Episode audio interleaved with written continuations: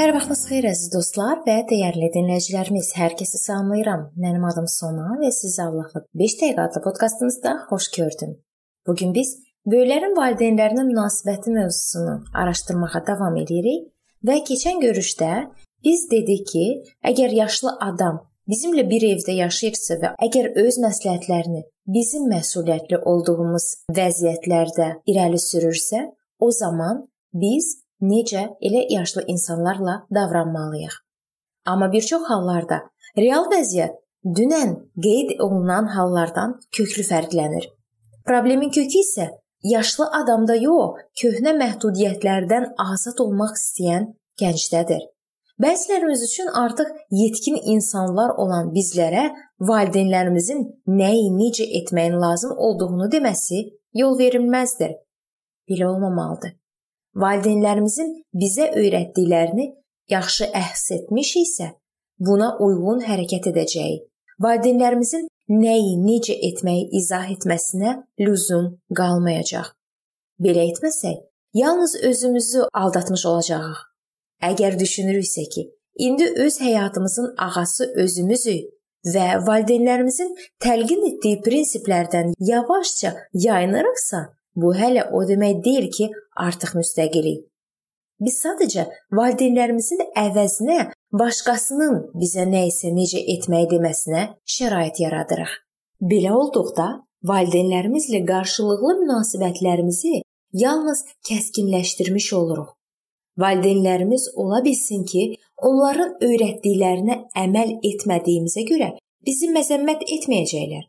Amma vicdanımız bizə rahatlıq verməyəcək və onda bizə elə gələcək ki, valideynlərimiz bizə əvvəlkindən fərqli münasibət bəsləyirlər. Yeşaya peyğəmbər bunu belə izah edir. 59-cu fəsil 2-ci ayədə.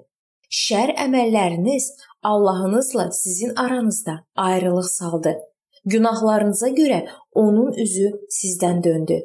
O səsinizi eşitmir.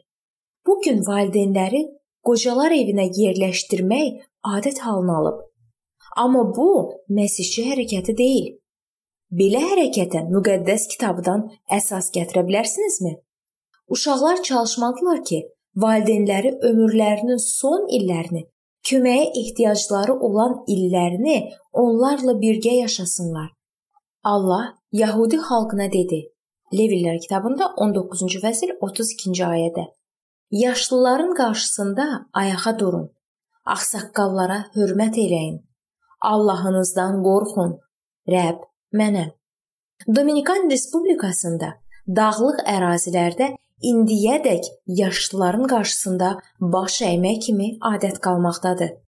Onlar isə öz növbələrində əllərini uşaqların başına qoyub onlara xeyir-dua verirlər. Bizim yerlərdə buna bənzər adətləri görmək mümkündürmü?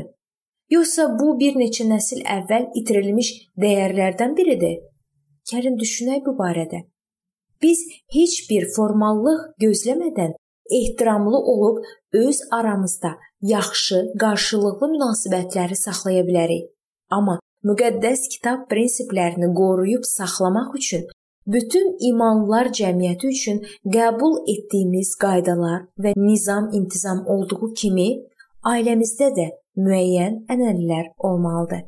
Valideynlərimiz müxtəlif üsullarla təzahür edən onlara olan səmimi ehtiramı qiymətləndirəcəklər. Bu ailədə yaxşı, qarşılıqlı münasibətlərin olduğundan xəbər verirmi sizcə? Gəlin bu mövzu ətrafında öz həyatımızda dərindən düşünək.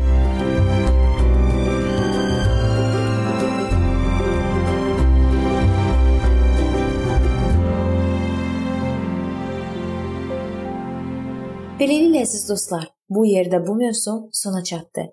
Hər zaman olduğu kimi sizi dəvət edirəm ki, bizim podkastlarımızı Facebook səhifəmizdən və YouTube kanalımızdan dinləməyə davam eləyəsiniz. Nəzərinizə çatdırmaq istəyirəm ki, müqəddəs kitabı araşdırmaq istəyənlər linkə daxil olaraq qeydiyyatdan keçə bilərlər. İndi isə mən sizinlə sağollaşıram və növbəti görüşlərdə görmək ümidi ilə sağ olun, salamat qalın.